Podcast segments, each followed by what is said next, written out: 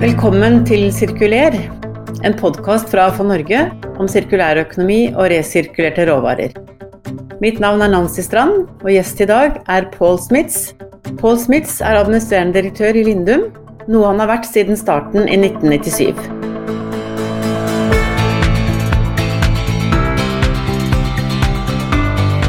Velkommen til deg, Paul. Eh, tusen takk for det. Det er jo veldig hyggelig å bli invitert til en eh, slik samtale, så dette setter jeg pris på. Veldig, veldig veldig fint. Og du, det er jo en imponerende fartstid du har i avfallsbransjen, avfalls- og gjenvinningsbransjen. Hva var det som fikk deg eh, inn i dette? Altså Det er jo litt eh, Engasjement er jo én ting. da, at Dette er jo dette med miljø og å jobbe for et bedre miljø. Det er noe som jeg har, alltid har vært veldig opptatt av. Eh, og så begynte jeg egentlig å jobbe med vann og avløp. Jeg jobbet veldig mye med avløpsnett og slike ting. Og så eh, begynte også å se litt på sigevann og miljøgrunnforurensninger eh, her. Og så dukket det opp en mulighet i Drammen, der de skulle engasjere en eh, prosjektleder for uh, å utvikle da, det som er knyttet opp mot infrastruktur rundt Lindum, altså det gamle avfallsdeponiet da, til Drammen kommune. For Da hadde de vedtatt en ny reguleringsplan, og man hadde også vedtatt et samarbeid med ni kommuner i Drammensregionen, hvor man da skulle samarbeide om en felles avfallsløsning og, og skulle begynne å sortere eh, avfallet ut. Og da må jo også det man sorterer ut bli behandlet på en eller annen måte. Så det, det var starten som ja. prosjektleder, egentlig. Mm. Ja, og, og, for, da, for nye i bransjen, kan vi si, da, så, så eh, var Lindum var det gamle deponiet, det. Som ligger rett utenfor Drammen. Ja, det ligger rett sør for, eh, for, for Drammen, ca. 10 km fra sentrum. Og så var dette det gamle kommunale avfallsdeponiet som ble etablert tidlig på 60-tallet og har vært utvidet uh, flere ganger. og hatt mange kamper med naboer og sånt noe. Alle vi som har vært i avfallsbransjen en vi kjenner jo til det, de utfordringene som man har. Så, så, det var jo også noe som uh, jeg fikk med på kjøpet, da, og arvet en del av det, den gamle historikken her, om hvordan en kommune hadde overkjørt naboer i, i, i 30 år. Og så skulle man utvide virksomheten og sette i gang mye nytt. Og så da å si, få med seg, da, få aksept for dette hos uh, omgivelsene rundt. Uh, store utfordringer knyttet opp mot det. Så, så hva, har vært, hva, har vært, det morsomste for deg altså personlig opp gjennom disse årene? For du har jo vært med på en enorm utvikling, da? Det er klart Det som har vært veldig morsomt, det er å se hvordan uh, si, medarbeiderne rundt meg da, har stått på og bidratt til å utvikle løsninger. Altså hvordan de har tatt mulighetene. Da. Jeg har vært veldig opptatt av å gi de muligheter til å utvikle både seg selv og utvikle løsninger da, som her. Og det, det, har vært veldig moro når man liksom får de tilbakemeldingene fra, fra ansatte her om at oi, nå har jeg en smart idé. Liksom, jeg tror vi kan klare å håndtere noe matavfall uten at det forpester nabolaget. Liksom. Altså den type gode uh, forslag, det har jeg alltid satt veldig pris på her. Og veldig mye av det som er kommet, har jo også vist seg å være gjennomførbart liksom, og, og gitt gode resultater. Og, og det er, det, da, man veldig, da blir man, man får en form for en tilfredsstillelse fordi at man har vært med på å gitt muligheten til at man kan få til disse løsningene. Ja.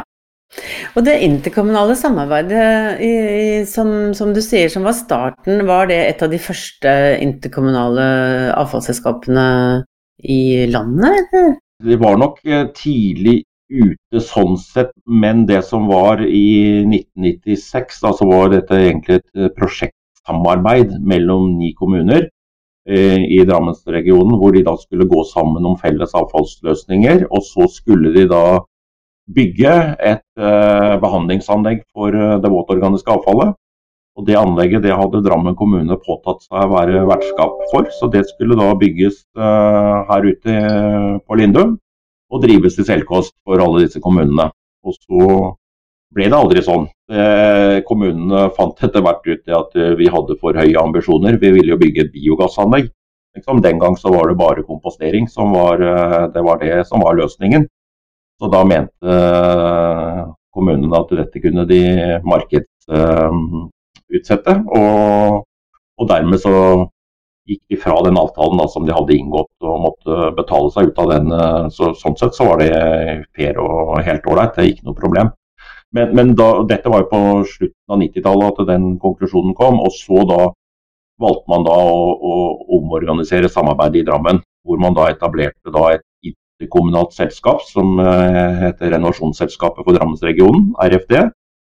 Som da uh, overtok opp å si alt som hadde med oppgavene knyttet til husholdningsavfall å gjøre. Og så ble Lindum da uh, kommersialisert for fullt. da da, da, ble vi et aksjeselskap som eh, med kommersielle eh, vilkår og formål. slik at uh, siden da 2001 så har vi konkurrert ut i markedet på lik linje med hvilket som helst uh, annet uh, privat selskap. Bortsett fra at vi var en offentlig eier. Liksom. Det er eneste forskjellen. Omtrent. Ja, mm. Så dere er vel et godt eksempel på at det ikke alltid er eierskapet som er avgjørende, men det er på en måte posisjonen i markedet, og der men dere representerer en, eh, en, en bedrift i markedet med en, eh, med en offentlig, eller offentlige eiere, da. Ja, så vi har offentlig eier. Samtidig så er det liksom dette eieren vår vi, jo, vi, vi, må jo delta i anbudskonkurranse på, på, alt som er av oppdrag, både for eier og for, eh, for RFD, da, det interkommunale selskapet. slik at det er veldig sånn, tette skott og ryddige forhold og, og alt mulig rundt det. Så det, det, er ikke alle som har klart å få med seg det alltid opp gjennom årene, liksom vår, vår rolle. Men, eh, men eh, den, den, er veldig tydelig og avklart. Så kryssubsidiering, altså de temaene der, det, det, altså er, er ikke, det er ikke tema hos oss i det hele tatt i Drammen. Uh, dette er ryddet og avklart for lenge siden. Dere har jo um, en ganske sånn interessant overskrift på nettsiden deres hvor det står 'fra brakke til konsern'. Fordi Lindum har jo blitt svært etter hvert. Altså, det som da startet med, med det gamle deponiet, um, det har blitt en ganske mangfoldig virksomhet. Det er det. Da jeg begynte her ute, så var det jo bare en, det var to brakker. Det ene var en vekt, vektbu, det var en brakke. Og så var det en, noe som ble kalt for velferdsbrakke, hvor det var spiserom og skifterom til ja, fem personer, kanskje. Og så satte vi opp en egen brakkerigg da, hvor vi skulle ha kontorer. Liksom vi Først så startet vi med å sitte nede på rådhuset, men vi så jo med en gang at vi måtte ut hit til Lindum, for det var jo her det skjedde. Og i forhold til de ansatte og sånt, så var det veldig viktig at vi, eh, vi etablerte oss sammen med de her ute. Så da leide vi inn en, en brakkerigg. Så jeg husker kollegaen min eh, her, han stussa veldig på hva vi skulle med en så stor brakkerigg, liksom. Det var jo sju kontorplasser og et lite møterom, liksom. Vi kunne jo ikke ha behov for det. Men ettertid så har vi jo alltid hatt manko på, på, på, på si kontorplasser og, og, garderober. Det har vært uh, en vekst ganske formidabel. Ja, Så hvor mange ansatte er dere nå? Akkurat nå så er vi nede, nede, igjen, jeg sier nede, i 157 eller der omkring. Fordi vi var oppe i 220 nesten på det meste. Men det er fordi at vi i, for et år siden, så, så, valgte da RFD å overta selv driften av alle gjenvinningsstasjonene i, eh, i, eh, innenfor si, eierkommunene. Da. Her. Og det var Lindum som hadde det oppdraget da, med å drifte det stedet. Det hadde vært ute på anbud, og vi hadde det. Og så valgte man egentlig en løsning der man eh, Og det syns jeg vi var veldig bra at man gjorde. Man valgte en løsning hvor da RFD selv går inn og drifter gjenvinningsstasjonene. Men alt avfallet på stasjonene det er jo ute på anbud og, og sånt men selve driften av det, det, det og Dermed så ble det virksomhetsoverføring, slik at da var det nesten 60 personer fra Lindum da, som ble overført. Og når jeg sier 60, så er jo det en god del eh, deltidsarbeidere òg, altså studenter og, som jobber mye på kveldstid. Og, så det var ikke 60 årsverk, men 60 personer. Mm. Men du var jo inne på dette med, med, de ansatte, og hvor morsomt det er å se de ansatte vokse, komme med ideer, eh, lykkes. Så dere har jo satset Dere er vel kanskje en av de virksomhetene som har satset eh, veldig systematisk på arbeid med forskning, utvikling, innovasjon. Hvordan startet det egentlig? Altså Det startet jo med at uh, helt tilbake til starten hvor vi da skulle bygge da et, eh, et, anlegg for å behandle våtorganisk avfall. Dette kunne vi jo ingenting om omtrent da vi startet opp her. slik at Da var vi jo nødt til å begynne å finne ut av det, og, og, og fikk eh, ansatt også da personer inn i systemet som hadde en del faglig kunnskap. Ikke innenfor akkurat dette området, men innenfor biologi og kjemi. Og, og sånt. Og så begynte vi å utvikle løsninger og så slet vi veldig med å få til uh, dette her. Utendørs kompostering av matavfall. Vi festa jo hele bygda rundt oss. og Skoler og alt var jo på nippet til å stenge pga. lukt. Liksom. Og, og, og, det førte til at vi var nødt til å prøve å utvikle nye løsninger eh, for å håndtere det. Og, så det var liksom starten for at vi den, den, måten å tenke på. da, At vi må, vi må framover, vi må finne noe nytt, vi må finne noe som er bedre. Og Det har, det har vi hatt med oss hele veien eh, videre. Og, og Man ser jo det i dag. altså Vi mener jo at fortsatt da, så er det enormt mye som er ugjort i den bransjen her i forhold til behandlingsløsninger for, eh, for avfall, eller etter hvert så blir det jo mer gjenvinningsløsninger for ressursene. ikke sant? Så det er, det er jo dit vi er på vei. Eh, men, det så vi veldig tidlig òg, at her kommer det til å være en enorm utvikling eh, framover hvis man skal nå altså den, gang, den gang snakker man ikke om bærekraft på den måten man gjør i dag. Den gang var det noe som het Lokal agenda 21, husker jeg. som vi, vi var jo nesten de eneste som visste hva det var og hva det innebar. Det, men nå har jo bærekraft fått et, et blitt veldig sånn anerkjent og akseptert. Liksom, dette er noe som alle vil. Da, eh, her. Vi føler jo at uh, vi var kanskje 20 år for tidlig ute med en del av det vi holdt på med i, i, i starten. Men, uh, men, det har gitt oss mye erfaring og kompetanse som vi har med oss nå. Ja, så nå er det jo nesten en sånn, uh, sånn eksponentiell utvikling i forhold til nye løsninger. Men er det noe du har lyst til å trekke fram som du virkelig føler har vært gode og store gjennombrudd i løpet av disse årene? Altså Et stort gjennombrudd var jo en sånn komposteringsmetode. da, fordi at vi, vi leide inn et uh, komposteringsanlegg uh, som skulle ta hånd om uh, avfallet. Det, det, fikk vi ikke til å fungere etter sånn som leverandøren sa vi skulle drive det. Men så utviklet vi en metode der vi tilsatte kalk bl.a. Som gjorde det at vi økte kapasiteten i det anlegget med 400 og, eh, og, og reduserte luktproblemene til et minimum eh, rundt det. Så det var jo en, en revolusjonerende utvikling som vi, som vi, fikk på plass da, uh, her. Og som var for så vidt redningen nå for at man i det hele tatt kunne fortsette å behandle uh, si, organisk avfall her på, på Lindu.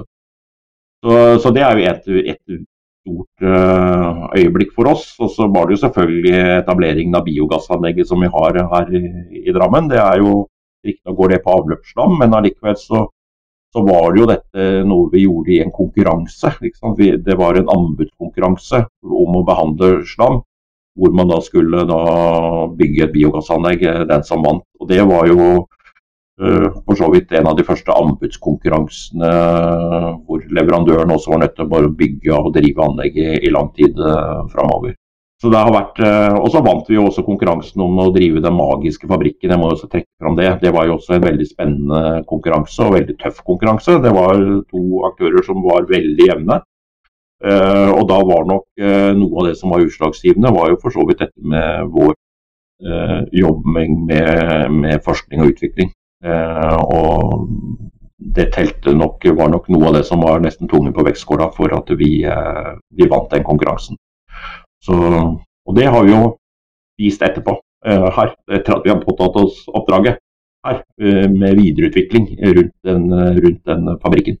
Ja, Altså det er et prosjekt som jeg syns er, er, veldig spennende. Nå har det jo vært altså Dere har jo mange prosjekter å vise til, og du er inne på noen av de. Men dette, altså food to waste to food, det er et, et veldig spennende arbeid, da. Ja, og vi har fortsatt, liksom. Det, dette er noe som, man, som, som krever tid og ressurser å, å utvikle, liksom. Men i den da vi startet dette her, så, så det begynte jo med en søknad, en EU-søknad. Uh, søknad om EU-midler. som Han som søkte for oss, han hadde um, diskkrasj på PC-en sin. sånn at uh, rett før han skulle levere inn søknaden, så krasjet hele PC-en, så han fikk ikke levert den inn. Så han måtte vente ett år før han fikk endelig sendt inn søknaden på nytt. Og da fikk vi faktisk gjennomslag for den. Og det var jo ganske så stort for oss, da. Og, og, og hvor vi da skulle bygge da et lite drivhus uh, her med såpebobler som isolasjon. Og så skulle vi da uh, dyrke grønnsaker uh, inni dette drivhuset. Og så var tanken da at vi skulle bruke biogass, ha en liten biogassreaktor som da skulle produsere biogass som igjen da skulle brenne for å gi varme da, til drivhuset. Så viste det seg at vi hadde ikke behov for den varmen, fordi at dette, dette trengte ikke noe spesielt varme i det hele tatt. Det, det, det, holdt seg selv. Og da var det jo å bruke biogjødselen. Eh, det var også planen hele tiden. da, inn For å gjødsle eh, det som skulle vokse da inne her. Og så har dette utviklet seg til å bli eh, ganske avansert teknologi. og forskeren vår eh, her, en av disse, en Kjetil Stoknes, han pleier jo også å fortelle dette som om tenkt at du skal um, flytte til Mars, og så skal du begynne å produsere mat uh, her. Hvordan skal du gjøre det? Og det, det, er egentlig den måten vi gjør det på i dag. Det er som om vi skulle ha flyttet en hel, helt, helt drivhus opp til, til, Mars, og så begynt på nytt der. Ja. Og det, altså det, det, viser jo noe om perspektivet her. Så, så um, tenker du at dette her kan, kan Har dette um, eksportmuligheter? Det, har dere store Hva tenker dere liksom om hvordan dere kan drive dette framover? Det har absolutt uh, eksportmuligheter. Det har vært veldig stor internasjonal interesse rundt det. Uh, det er klart at det som vil være den, den store si, driveren videre her. Liksom. Nå har vi klart å få det til slik at vi kan bruke CO2 også da, inn i drivhuset. Vi bruker jo CO2 som uh, vi fjerner da, fra biogassen som vi produserer. Så tar vi ut CO2 og bruker den inn i drivhuset. Og Da har vi en CO2-fangst uh, eh, her. Um, og hele dette konseptet uh, nå er jo et gigantisk miljøprosjekt. Men, men, det å få med seg da aktører som er villige til å bruke dette da, når de skal selge sine produkter. Det er de som skal selge grønnsaker eh, her, eh, bl.a. Det, det, det er å få med den biten av det som, eh, som det har skortet litt på, på, nå. Men nå har vi flere interessenter rundt det. Det har vært det lenge, så jeg, jeg tar ingenting for god fisk ennå. Men det er stadig vekk noen, noen lyspunkt som man tror enda litt mer på enn det man gjorde i går. Så så dette blir, eh, blir, eh, kjempespennende hvis man kan komme dit at vi får bygd et kjempedrivhus eh, der som og, og, vi tror jo det at tiden er med oss her, fordi at det blir jo mer og mer fokus på dette med, med, med riktig produsert mat her. Både at maten man spiser inneholder mest bare naturlige ting, minst mulig kunstige tilsetninger og slikt, pluss at maten er produsert på en måte som, som har et, et, et, eh, veldig bra klimaavtrykk. Så det å få med hele verdikjeden nå, rett og slett, og eh, industrialisere det, da. Det som dere har gjort nå som pilotprosjekter, og, og vise at det er mulig.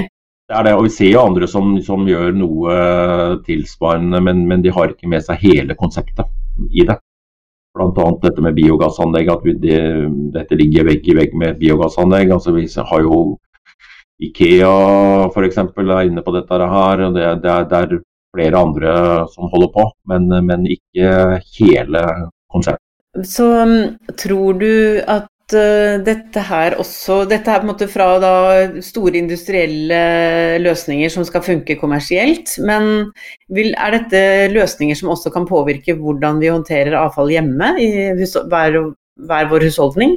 Altså det er jo det som man jobber litt med nå, og tenker litt. Liksom. Altså, hvorfor kan man ikke heller ha egne, altså mer lokale løsninger? Eh, skal man bygge en ny by? Altså I Drammen så snakker man jo om fjordbyen, altså Drammen og Lier eh, her. En stor fjordby med 5000 eh, eh, husstander osv. som skal inn. Så her er det og når man bygger sånn tett, så kan man jo tenke seg egne løsninger for både håndtering av mat og avløp og kanskje noe annet òg. Hvor man da har Vi samarbeider jo bl.a. med, med Vov uh, her, som har pyrolyseanlegg. Altså de, de, de, har jo levert uh, behandlingsanlegg til cruiseskip i mange år. Et cruiseskip eh, har jo håper å si, like mange personekvivalenter da, som en, en, en liten by her. Slik at de løsningene som han har der, hvorfor ikke implementere de på, på land? Altså, det, det, er mange sånne muligheter som gjør at da kan du få veldig kortreist uh, avfallsbehandling og også utnytte uh, ressursene uh, direkte lokalt der de oppstår.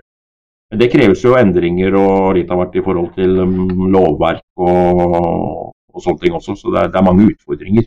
20-30 år fram i tid, så tror jeg nok at vi har helt andre avfallsløsninger enn det vi har i, i dag. Og det er kanskje ikke så mye som 20-30 år heller, det kan være 10. For dette er bare det er tog som har begynt å rulle nå. Eh, det som jo er litt spennende, er at det er mange aktører. Måte, som du, du, nevnte Ikea, altså det skjer i byutvikling, eh, det skjer i industrielle anlegg som dere jobber med på Magesfabrikken osv. Så, videre. mm. så det, da akselererer jo Da kan det akselerere fort. Mm. Så det er veldig spennende.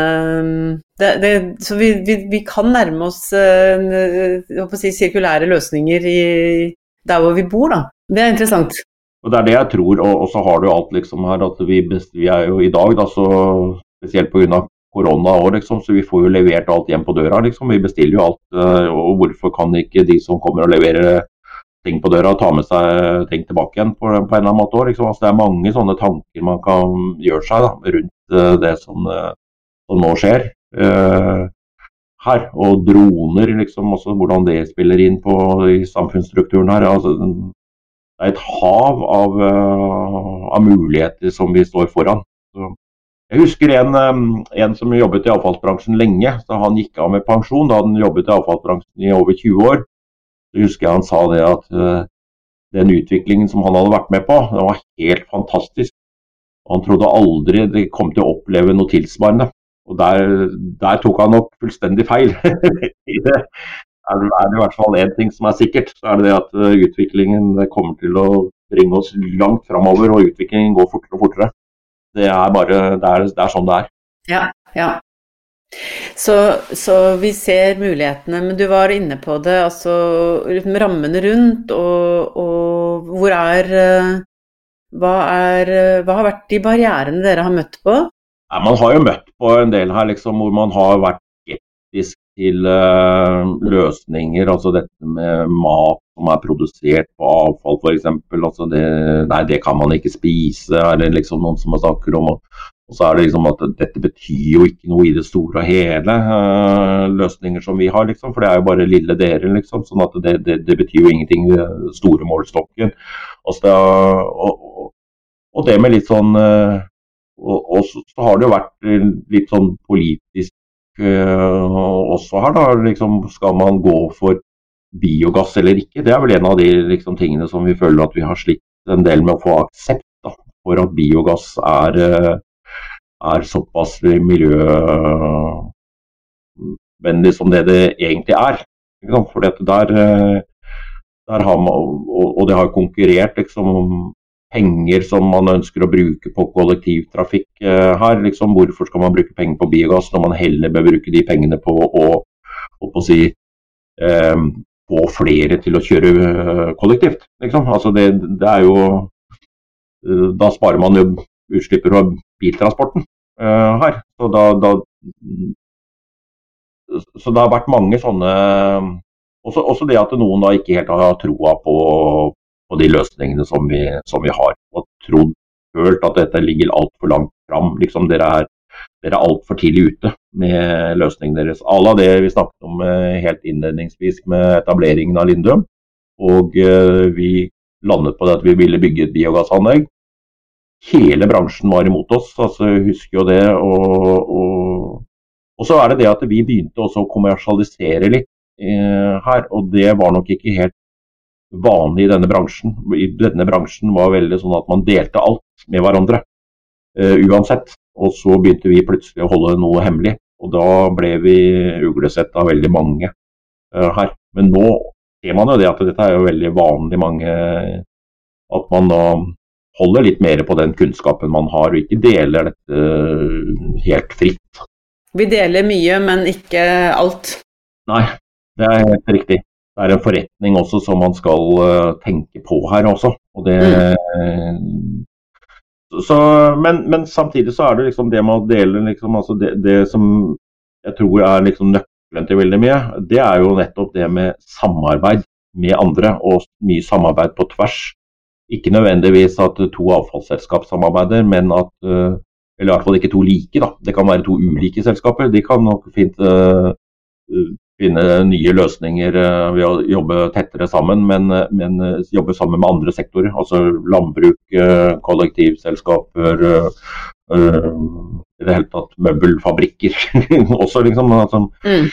Ikea f.eks. som skal nå bruke returflis. ikke sant? De skal jo hente returflis fra, altså, bl.a. fra Norge og, og, og, og behandle den, det trevirket selv da, nede på fabrikken sin. Eh, de, og, lage flis til nye eh, materialer som igjen skal da inn i møbelproduksjonen. Altså de, de, går jo de går inn i vår bransje. De skal gjøre dette selv. Det. Og Da er det det å finne de riktige mekanismene, de riktige samarbeidsforholdene for, for hvordan få til dette. Mm, mm. Ja, så, så um, tror du det, det um, Kommer vi til å se på å si, mange ulike å si, kretsløp, da, for å kalle det det? Altså at uh, de ressursene som har vært sett på som avfallsressurser, egentlig går direkte tilbake igjen og blir utnyttet i ny produksjon. Enten hos den opprinnelige produsenten eller hos andre produsenter. Altså ja, Det er det det gjør. Det er det det kommer til å gjøre. Altså, sånn som vi tegner bildet, så tegner vi at man har mange kretsløp for de forskjellige elementene, og så begynner disse kretsløpene å bli integrert i hverandre, slik at, får, at det er på den måten du får, får den virkelig spennende utviklingen. Da begynner du liksom å kunne koble noe som skjer et sted med noe som skjer et annet sted, og så blir det plutselig vinn-vinn for, for, begge her. Det, det, er jo kjempespennende prosesser. Så det kommer til å komme mer av, overbevist. Altså det, og vi deler jo, altså, deler, altså det er utrolig mye som er blitt tilgjengelig da, gjennom det bruk av informasjonsteknologi, det som vi har i, har i dag. Liksom, så, så, så, er det jo så lett å få tak i kunnskap uh, også. Og finne hvem andre er som jobber med ting, og, og og lete etter muligheter, rett og slett. Ja, og de, det, mm, det er jo nesten så mange muligheter at man ikke helt vet uh, på å si Dere må kanskje gjøre noen valg innimellom som smerter litt, eller? Ja da, det er det. Det er litt det som vi i Lindum er, er, har håper å si, Vi må lære oss å si nei, i større grad lære oss å prioritere. Liksom. Det er jo egentlig det som, som vi må jobbe litt med. Men, eh, men eh, vi har jo veldig hatt en eh, tendens til å kaste oss over veldig mye. Også, men nå er det så mye som skjer, pluss at det blir mer krevende òg. En del altså stiller strengere og strengere krav til det man gjør. og Det gjør det at man kan ikke lenger holde på med alt. Man må liksom fokusere på noe og bli veldig god på, på det. Man kan ikke være god på, på alt uh, lenger. Det, for dette, det kreves også investeringer i nye løsninger. ikke sant? Altså, så lenge du kunne gjøre veldig mye med ting uten å måtte foreta de store investeringene, så kunne man gjøre mye. Men når du nå plutselig må investere øh, flere hundre millioner inn i anlegg, så, så, så, er du nødt til å fokusere på dette på en helt annen måte enn det man uh, kunne gjøre før. Da. Men du, nå kommer det jo nye krav. Um, og, øh, og, og, biologisk avfall og plast. Og da uh, En interessant uh, utvikling nå er at vi ikke bare skal uh, sortere ut plastemballasje, men også all plast. Og kanskje at en, en, annen viktig del er at man ser at næringslivet nå også får høyere mål, tøffere krav.